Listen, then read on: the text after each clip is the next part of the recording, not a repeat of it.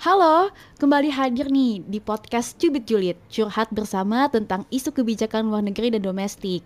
Bersama aku, Safinka dari Hubungan Internasional Angkatan 2021. Oh ya, kita ketemu lagi nih Sobat Julit setelah podcast Kashmir kemarin. Masih inget kan sama aku? Dan tentunya nih, di episode kali ini aku nggak sendirian. Di sini aku juga ditemani nih sama co-host yang kece dan udah ready banget nih buat ngejulit bareng. Oke, langsung aja di sini ada Ocel. Boleh dong sapa dan perkenalan dulu. Halo semuanya, perkenalkan nama aku Rosella, biasa dipanggil Ocel. Aku mahasiswi Ilmu Politik angkatan 2021. Salam kenal. Oke, mantap banget nih. Udah siap ya? Siap dong. Oke. Oke, well, episode kali ini menjadi episode penutup Cubit Julit di Gen 5. Tapi kita nggak perlu nih sedih. Karena di episode episode terakhir ini justru menjadi episode spesial. Karena kita akan berbincang asik bareng Mas Andi Kurniawan selaku dosen dan Kepala Prodi Hubungan Internasional. Hola, selamat sore. Halo. Oke, baik Mas Andi, bagaimana Mas kabarnya? Alhamdulillah terima kasih ya teman-teman sudah diundang hadir diskusi sore hari ini ya. Perkenalkan saya Andi Kurniawan, saya salah satu staf pengajar di Prodi HI UPN Veteran Jakarta. Oke, baik nih Mas Andi juga sudah ready ya, kawan-kawan julid ya. Oke, jadi di pembahasan episode spesial ini kita mau eh, ngomongin apa sih, Cel? Boleh dong dikasih tahu. Boleh dong. Nah, jadi pembahasan kita di episode kali ini kita bakal membahas soal Afrika. Nah, kan jarang nih Afrika dibahas. Padahal Afrika itu memiliki potensi loh dan kekayaan di negaranya. Ya gak sih, Mas? Wah, kalau dikatakan potensi itu saya setuju sekali ya karena Afrika itu selain menyimpan kekayaan sumber daya alam yang besar ya, juga sebenarnya potensial market ya buat kita sebagai eh, katakanlah negara yang juga berorientasi kepada ekspor ya terutama karena kita lihat bahwa Afrika tuh selain menyimpan sumber daya alam yang luar biasa market populationnya sangat eh, besar gitu. Jadi saya pikir potensinya banyak yang bisa kita kembangkan Oke, baik. Berarti eh, di sini kita bisa lihat ya Mas, kalau Afrika itu market potensinya tuh lumayan besar.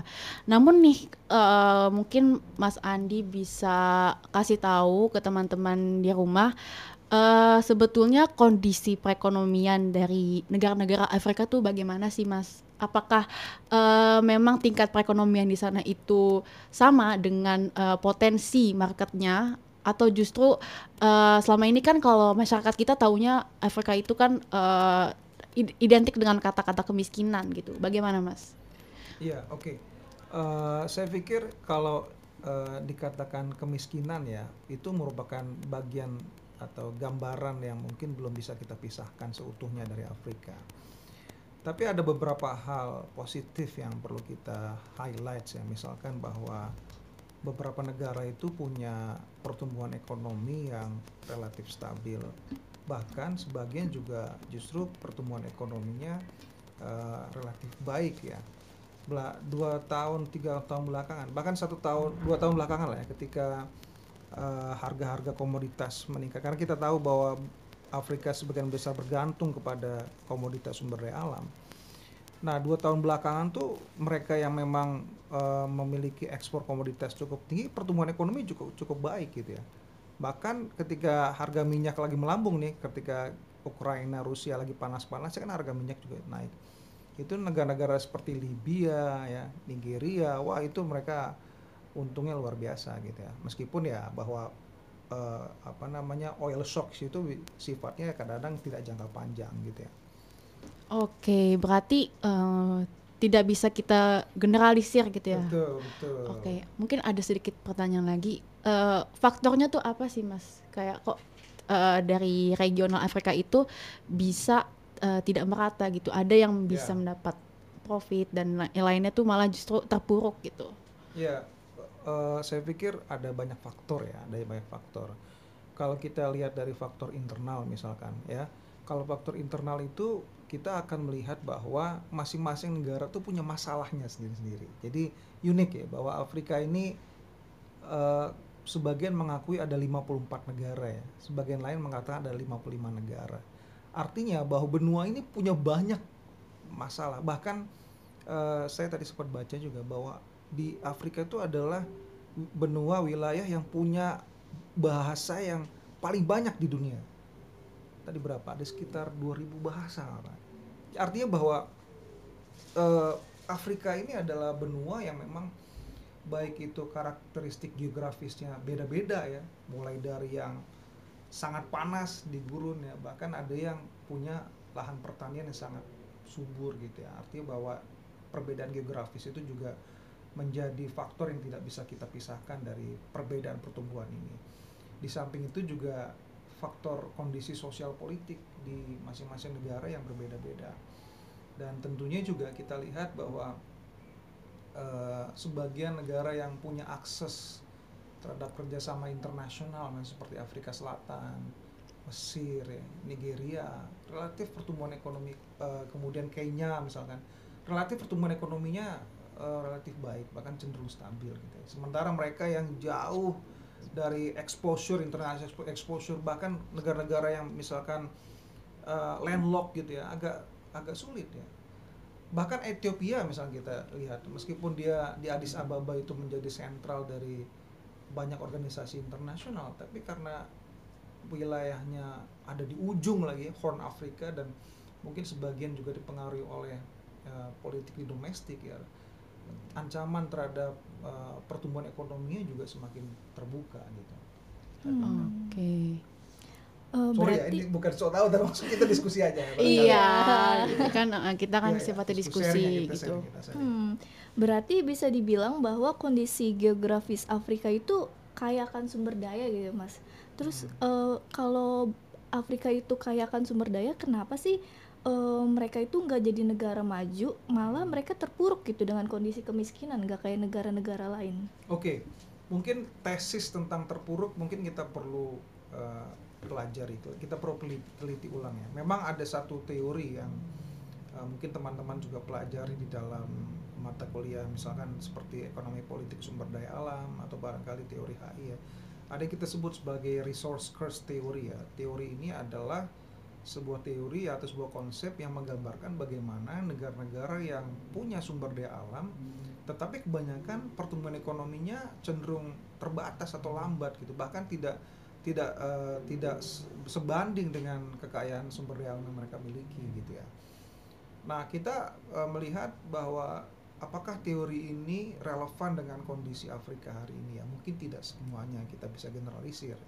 Tapi sedikit banyak bahwa eh, teori ini bisa menggambarkan ya negara-negara yang kaya sumber daya alam seperti misalkan Nigeria, kemudian eh, Kenya atau mungkin juga seperti Rwanda ya, atau Botswana gitu ya. Mereka punya punya pertumbuhan ekonomi yang juga berbeda-beda gitu ya. Nah, artinya bahwa kekayaan sumber daya alam sumber daya alam tidak serta merta juga menjustifikasi pertumbuhan ekonomi mereka.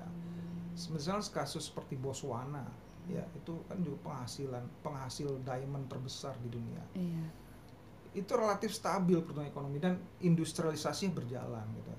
Sementara di Nigeria eh, sebagai salah satu produsen minyak terbesar misalnya di Afrika itu juga ter juga terancam eh, pertumbuhan pembangunan ekonominya tidak merata gitu ya, antara Mm-mm. satu wilayah dengan wilayah lainnya karena tadi menurut saya yang menjadi aspek penting juga adalah bagaimana manajemen natural resources ya.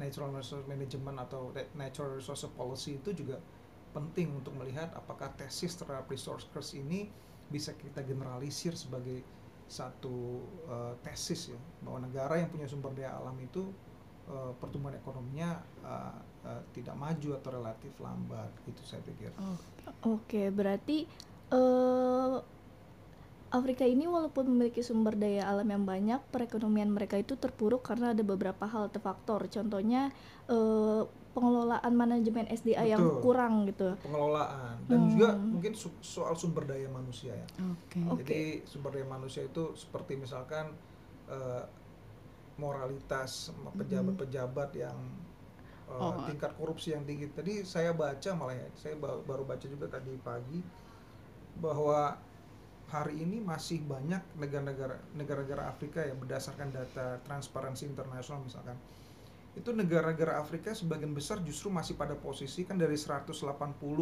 negara yang disurvei itu hampir di bagian mau menjelang 160 sampai 180 itu masih di diduduki oleh negara Afrika. Artinya bahwa Hmm, iya, iya. eh, indeks korupsi itu juga sebenarnya banyak sedikit banyak menggambarkan nih bahwa eh, ren- re- memburu rente ya keuntungan-keuntungan dari sumber daya alam itu juga eh, bisa jadi me- membuka celah bagi para pejabat-pejabat untuk melakukan penyimpangan ya, terhadap pendapatan ekonomi yang dihasilkan oleh sumber daya alam. Gitu. Hmm, iya sih saya juga pernah baca di suatu sumber katanya tuh korupsinya tuh sebenarnya udah dari abad eh, dari abad ke-19 deh kalau nggak salah. Itu Bawaan jadi udah lama banget gitu. Bawaan kolonialisme nggak sih Mas? Ya, dibilang? Itu itu fakta sejarah ya bahwa mereka adalah bagian dari eh, sejarah kolonialisme dunia. Dan sampai hari ini pengaruh negara-negara Barat itu masih cukup kuat di Afrika. Meskipun kita belakangan sudah juga melihat bahwa ada negara-negara seperti China, Korea Selatan, Jepang yang sudah juga masuk dengan berbagai investasi proyek mereka. Nah, iya Mas. Ini menarik nih kalau kita ngomongin eh, China ya dengan Belt Road Initiative-nya BRI itu kan eh, lagi sering dibahas nih. Dan juga eh, ada proyek Uni Eropa yang sedang mengincar eh, pokoknya untuk istilahnya eksploitasi lah ya di kawasan Afrika seperti itu. Nah, eh, kita mau nanya nih eh, dari pendapatnya Mas Andi sendiri, sebetulnya tuh bagaimana sih implikasi dari hadirnya proyek pembangunan dan pembangunan dan investasi dari negara besar seperti China dan Uni Eropa tadi? Ya oke. Ya saya pikir ini pertanyaan menarik ya. Ya saya kita melihatnya dari misalnya dari sudut pandang yang eh, positif ya bahwa eh, masuknya negara-negara seperti China ya eh, Korea Selatan ke Afrika itu merupakan indikasi positif menurut saya. Indikasi positif apa? Bahwa Afrika betul-betul ada potensial market. Dan harusnya kita dalam hal ini Indonesia jangan kalah harusnya. Kita jangan tertinggal. Ketika semua negara-negara besar masuk ke Afrika, lalu kita diam saja kan konsekuensi adalah yang saya yang saya dengar ya bahwa hampir semua potensi-potensi dagang itu udah terkunci. Mm-mm. Iya. karena eh, strategi mereka ya mereka biasa membuat agensi atau perusahaan-perusahaan distributor yang itu sudah diikat dengan eh, di hitam di atas putih ya. Nggak mereka nggak boleh kerjasama dengan dengan perusahaan lain. Akhirnya apa? Kita kesulitan mendapatkan akses ke Afrika. Bahkan eh, kadang-kadang kita tuh selalu ditakut-takuti gitu ya. Eh, wah ngirim ke Afrika nanti kamu nggak dibayar loh. Nggak nggak akan ada. Karena memang ya satu ya bahwa dalam transaksi perdagangan internasional itu ya kita juga harus didukung oleh eh, namanya kanal pembayaran. Ada ada nggak kerjasama perbankan antara kita dan dengan negara-negara tersebut? Karena akan sulit bagi pengusaha khususnya eksportir ya. Dia mau jual barang tapi dia butuh pembayaran yang cepat gitu ya. Oh, nah itu yang kita harus dorong. Apakah Indonesia itu eh, khususnya negara-negara bank-bank yang milik pemerintah itu sudah punya nggak networking kerjasama dengan negara-negara Afrika. Saya saya khawatir mungkin masih terbatas karena yang saya tahu mungkin dengan contohnya dengan Iran misalkan ya. Karena bank-bank BUMN kita tuh taunya Iran tuh disanksi oleh Amerika Serikat. Iya, betul. Jadi betul. orang tuh takut mau transaksi dengan Iran padahal ya Iran itu adalah salah satu negara dengan populasi terbesar di wilayah Teluk dan marketnya juga sangat potensial buat kita gitu. Jadi sebetulnya kalau misalkan kita menjalin dengan Iran tuh eh, malah potensial ya. itu yang dilakukan oleh negara-negara tetangga kita. Oh, Jadi kita tuh ya. selalu ya, ya saya bukan me, me- dek- me- apa, me-underestimate eh, di sisi komunitas bisnis kita, tapi fakta ya bahwa Iran itu adalah potensi besar sebenarnya buat kita Hmm. untuk me- me- me- apa, mengkapitalisasi, me- membesarkan perdagangan kita dengan teluk gitu ya. Karena tadi kita udah kalau udah transaksi dengan Iran tuh wah udah takut Hmm, bahwa ah, nanti kalau udah pergi ke Iran nanti udah di stigma sama Amerika ini nggak boleh masuk ke eh, Amerika misalkan gitu. Oke. Mungkin itu bisa di note kali ya ke Kemenlu kita Iya, untuk ah, mudah-mudahan ya, bahwa ya ke Iran gitu. Podcast ini bisa didengar oleh banyak orang gitu dan memberikan ya sedikit banyak pengetahuan lah kondisi Oke. eh, Eh, kita sebenarnya. Eh, kita balik lagi tadi terkait eh, investasi asing di Afrika. Berarti dari Mas Andi sendiri itu menilai bahwa harus itu menjadi. Oh ya, tadi baru sisi positif ya. Oh iya. Baru sisi positif? Sisi sisi balai sisi lain yang menurut saya adalah bahwa Oh. iya. Afrika ini bisa uh, bisa dikatakan menjadi battlefield juga antara major powers gitu ya. Kenapa saya bilang battlefield? Ya kita lihat bahwa dua tahun tiga tahun belakangan itu uh, Trump ya di, kira-kira di akhir masa selesainya pemerintahan itu mengeluarkan program US uh, Prosper Africa Initiative gitu ya. Padahal sebenarnya Amerika tuh udah punya program seperti ini, tapi kenapa kemudian kok? Ya itu karena kita melihat ini adalah sebuah reaksi ya. Sebuah reaksi terhadap apa yang terjadi di Afrika hari ini di mana China itu punya jejaring proyek yang besar di sana. Iya, Dan betul. saya pikir Amerika juga nggak mau ketinggalan karena memang banyak perusahaan-perusahaan Amerika ya yang multinasional yang mungkin bergerak di bidang-bidang di bidang eksplorasi tambang migas itu masih ada di Afrika. Dan mereka perlu mensecure mengamankan. Jangan sampai bahwa karena US Pros- Prosper Africa Initiative ini saya lihat bahwa programnya justru menyasar juga kepada masyarakat langsung yaitu pertanian perkebunan. Jadi ini penting bagi bagi Amerika bagaimana jangan sampai kehadiran Amerika itu atau influence pengaruh Amerika di Afrika itu memudar meskipun kita tahu bahwa memang Amerika juga menghadapi masalah Iya, yang Betul. yang cukup serius di dalam ekonominya gitu kan. Iya. Berarti Afrika juga jadi ini ya, jadi papan catur geopolitik nih. Iya, ya, betul. Karena jarang. tadi sumber daya alam yang luar biasa sebenarnya. Iya. Oke, eh, kalau misalnya di compare dengan benua lain kayak misalnya benua Asia, kenapa sih Mas eh, Asia tuh bisa eh, tumbuh lebih cepat gitu sedangkan Afrika tidak? Padahal kan kita tahu bahwa negara-negara di Asia pun seperti di Indonesia, Korea, Singapura dan negara Asia Tengah lainnya itu juga baru mendapatkan kemerdekaannya gitu. Mereka baru lepas dari penjajahan eh, itu sama seperti mayoritas negara Afrika apakah ada faktor lain selain korupsi gitu? Mm-mm, Oke, terima kasih ya pertanyaan ini saya pikir juga menarik ya. Eh, kalau kita bicara soal pertumbuhan eh, ekonomi di Asia ya, mungkin kita bisa melihat historical view-nya misalkan ya. Kalau kita lihat pertumbuhan ekonomi Asia itu kan yang pertama kali bisa kita eh, lihat dari catatan sejarah adalah pertumbuhan ekonomi yang dipimpin oleh Asia Timur gitu kan. Jadi yang dulu-dulu punya punya pertumbuhan ekonomi yang miracles orang disebutnya sebagai di Asian miracle itu kan terjadi di Jepang, Taiwan, Korea Selatan, Asia Timur ya. Asia Timur gitu. Jadi, nah kita melihat bagaimana karakteristik masyarakat di Asia Timur. Oh mereka Hmm. sangat gigih kalau urusan bisnis mereka sangat gigih. Industrialisasi. Industrialisasi luar biasa. Dan yang paling penting juga menurut saya adalah bahwa mereka punya karakteristik eh, budaya yang relatif similar gitu antara satu dengan yang Oh. lainnya.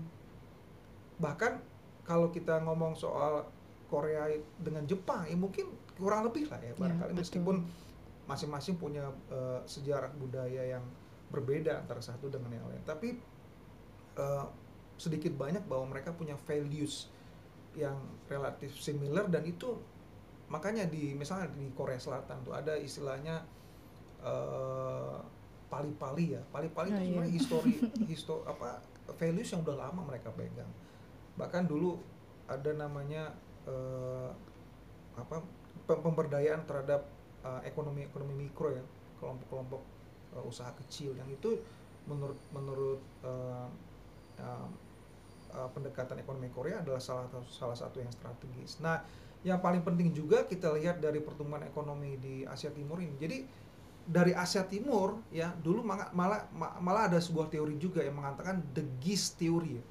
the GIS lead theory. Jadi seakan-akan bahwa Asia Timur itu seperti membentuk angsa, angsa yang terbang. Mereka ada leadingnya gitu lah. Sementara sementara negara-negara Asia lainnya adalah pengikut gitu, followers. Gitu. Nah ini ini ini teori yang Iya. sudah lama juga tapi mungkin relevansinya juga masih eh, uh, dipertanyakan ya karena kan sudah banyak teori-teori lain. Nah dari situ kan terjadi sebuah permintaan yang cukup tinggi misalkan Jepang dengan industrialisasi yang butuh tenaga kerja butuh market yang besar gitu kan butuh bahan baku ya terjadilah sebuah perdagangan internasional yang di antar negara Asia sendiri yang itu juga me mempercepat terjadinya pertumbuhan manufaktur. Okay. Meskipun kalau kita ingat di sebelum terjadi krisis Asia 97 98 misalnya. Itu juga kita termasuk sebagai the Asian Tiger kata dulu. Iya, sempat dengar. Uh, Asian betul. Tiger kita, terus Singapura ya, Malaysia di Asian Tiger. Tapi ya ya begitu rupiah jatuh gitu ya terhadap dolar ya itu orang justru jadi mempertanyakan bagaimana uh, kesinambungan atau keberlanjutan ekonomi kita. Jadi sebenarnya kalau kita ngomong soal Asia kenapa kok Asia bisa lebih maju ya karena mungkin satu soal uh, values culture cultural values ya di Asia dan juga mungkin kita lihat juga bahwa uh, ada ada apa ada kerjasama ada kerjasama yang terbangun di antara negara-negara di Asia relatif lebih lebih uh, mudah yeah. dibandingkan yang terjadi dengan Afrika karena tadi permasalahan domestik di Afrika tuh lebih kompleks bahkan tadi ada di kelas juga di di menggunakan regional security complex karena berlayer-layer gitu masalahnya. Iya. Mungkin ya. Jadi kalau misalkan Asia itu mungkin uh, homogenitas itu memiliki peran ya. Iya, dalam, meskipun kita iya. nggak iya. homogen ya, meskipun iya. kita homogen tapi paling tidak bahwa ada ada ada satu cultural values yang sama gitu. Misalnya kalau kita di ASEAN kan ada saudara serumpun gitu ya, iya. saudara serumpun. Jadi itu membuat kita sama-sama serumpun adalah kita saling ber berdagang terintegrasi gitu, kan, gitu ya. ya. Cuman kalau di Afrika sendiri itu kan ada Uni Afrika ya. Uni Afrika. Itu betul. ada nggak sih Mas uh, mungkin punya peran gitu dalam pertumbuhan ekonomi ataupun permasalahan politik di sana itu sebetulnya ada nggak sih peran yang signifikan atau memang cuman hanya uh, lembaga saja gitu?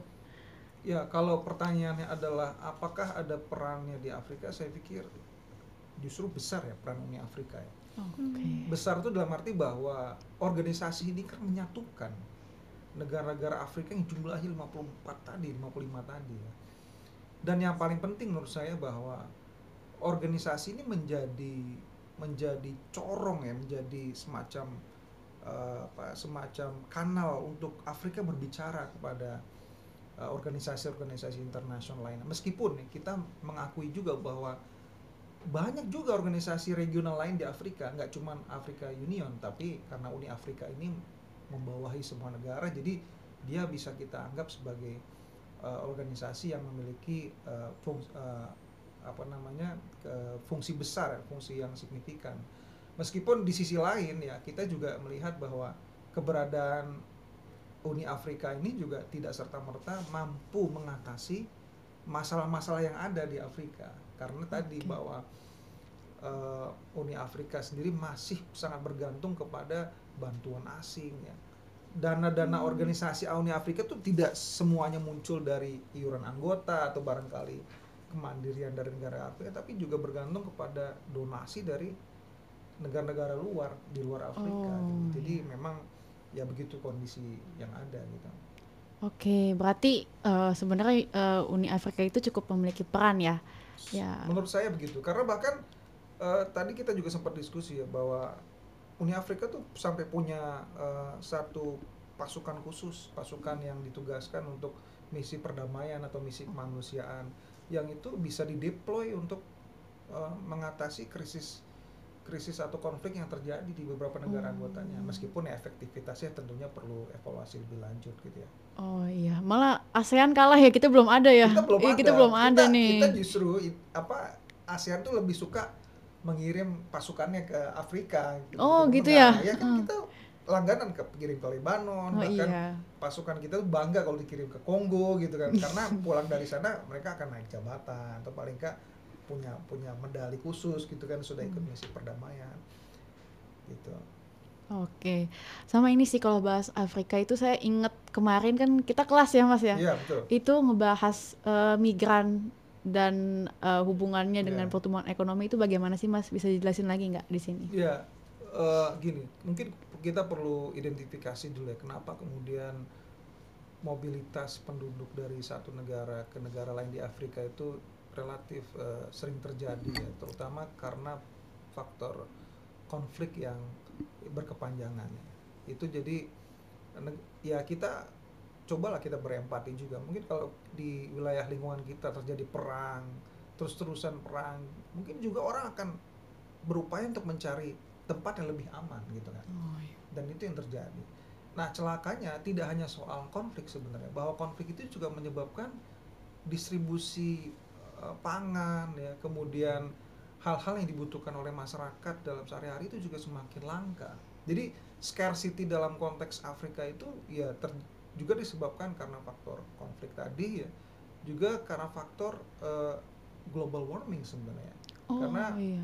eh, Afrika termasuk ya eh, laporan yang saya baca di World Bank misalnya termasuk wilayah yang paling ter, yang paling terdampak Oh, gitu ya? dengan Ah, adanya global warming ini kompleks. karena ya kita tahu bahwa di sana itu kalau panas panasnya ekstrim dan itu Mm-mm. menyebabkan ya terjadi kekeringan gitu ya kekeringan yang sebenarnya air-air itu kan didistribusikan untuk eh, kebutuhan baik itu sawah maupun perikanan gitu kan Iya. jadi itu yang yang kita lihat bahwa eh, isu pemana apa pemanasan global global warming ya isu climate change ini juga sebenarnya kita bisa melihat bagaimana Afrika yang eh, juga eh, memiliki apa eh, industri atau sektor pertanian yang cukup signifikan itu juga akan sedikit banyak dipengaruhi oleh isu ini. Jadi dia termasuk yang wilayah yang paling rentan terhadap eh, climate change ini. Iya. sebenarnya.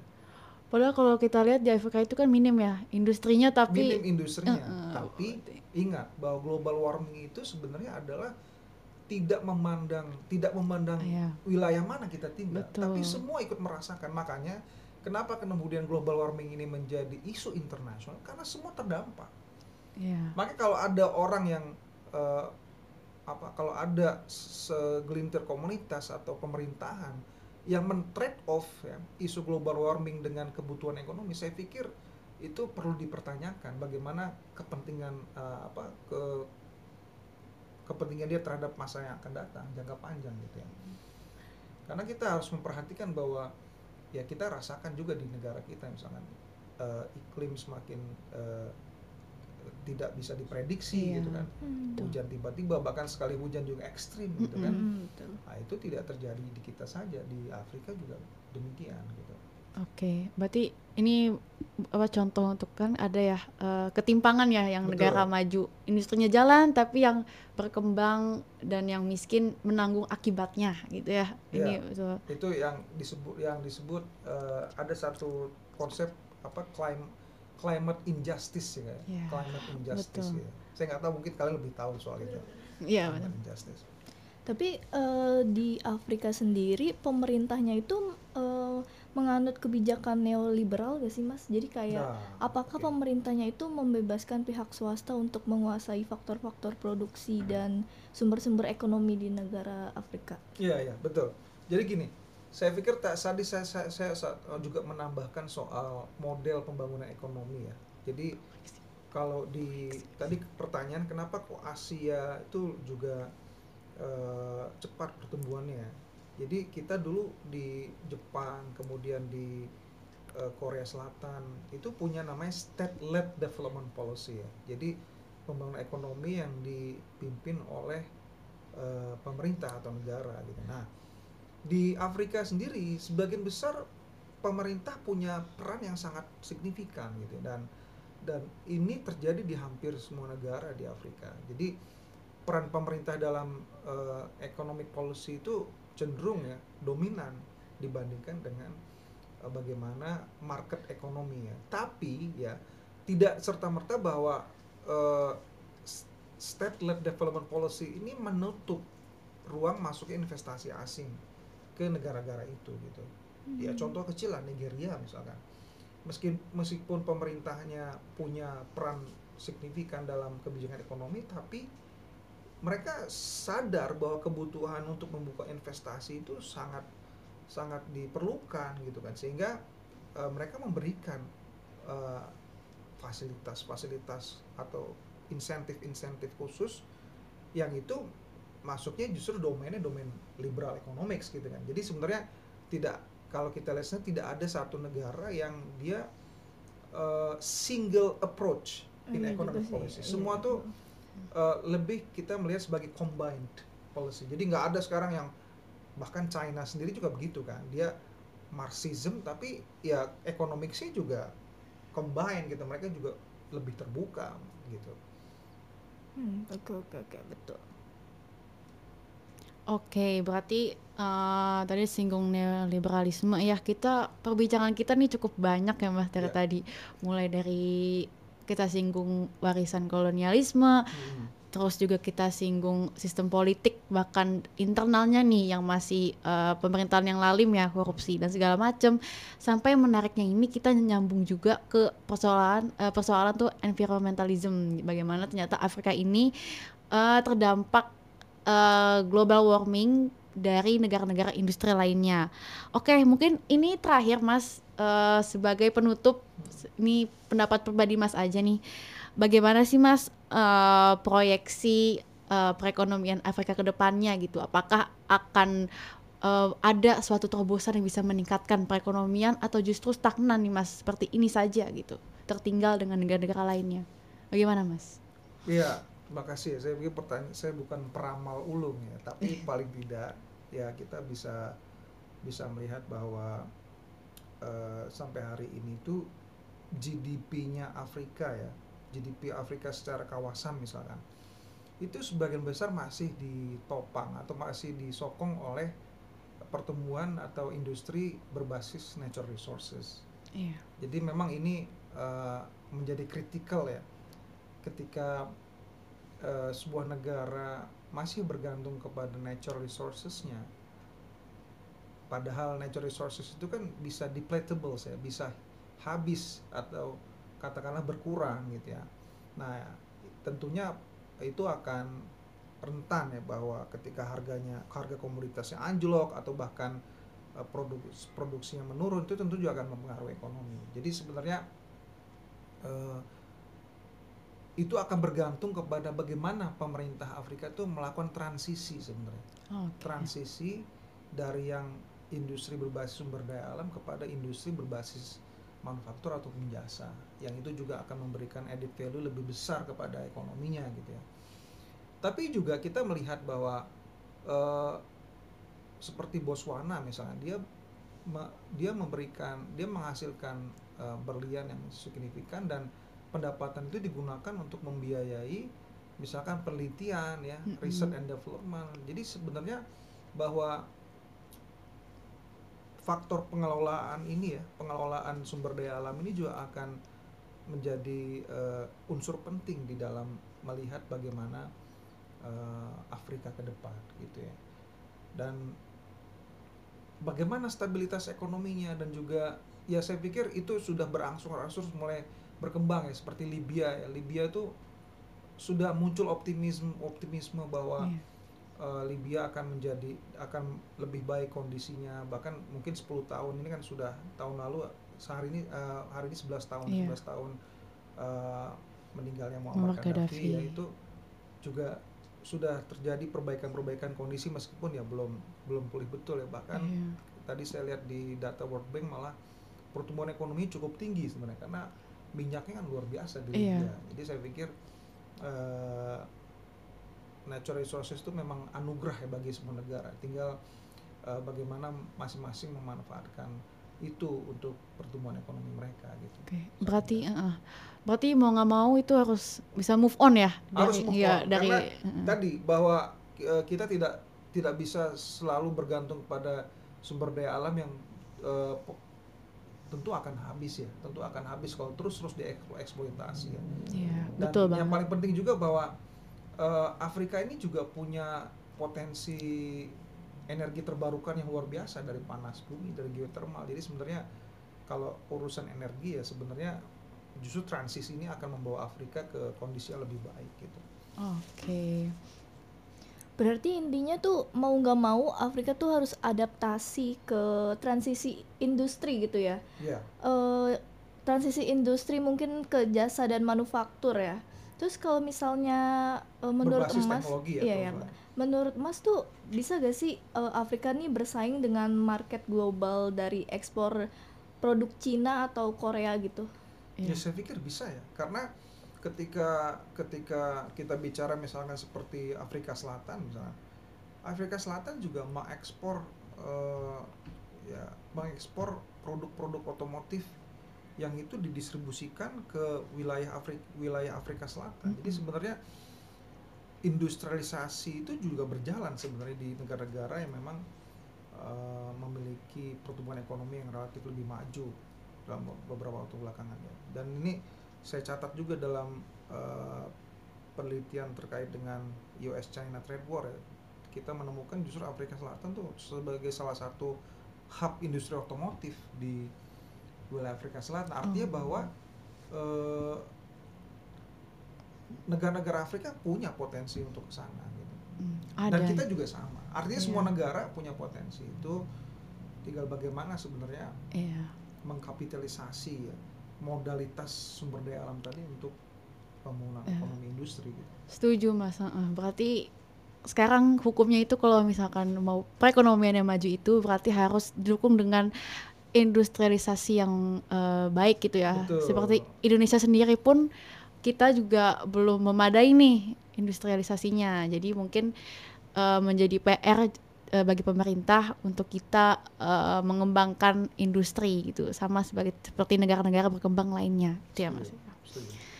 Oke, ini eh, sudah panjang lebar ya Mas ya. Iya. Iya nih udah Panjang kali lebar ya. Iya udah berapa menit nih.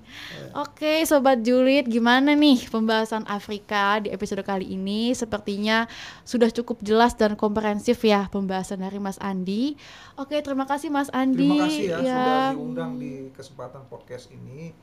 Ya saya mendoakan buat teman-teman biar podcast ini terus langgeng ya. Amin Dan mudah-mudahan yang paling penting juga bahwa podcast ini jangan lupa ini adalah produksi dari anak-anak fisik UPN Veteran Jakarta. Jadi saya Iya. pikir bagaimanapun ini adalah eh, kreasi dan inovasi dari teman-teman mahasiswa untuk mengeksplorasi lebih besar ya terhadap ilmu-ilmu yang mereka pelajari. Terima kasih sudah diundang dalam podcast ini. Ya terima kasih juga Mas Andi atas waktunya nih di episode kita nih yang spesial nih bersama Mas Andi yang eh, mungkin pakar ya dari Afrika bisa dibilang ya bukan karena- pakar lah kita. Iya kita bisa tanya. aja gitu. Iya, oke. Jadi eh, sobat Julid kita akhiri ya episode eh, spesial kita bersama Mas Andi mengenai Afrika. Oke, stay tune di episode selanjutnya. Dah. Dadah. Bye. Bye.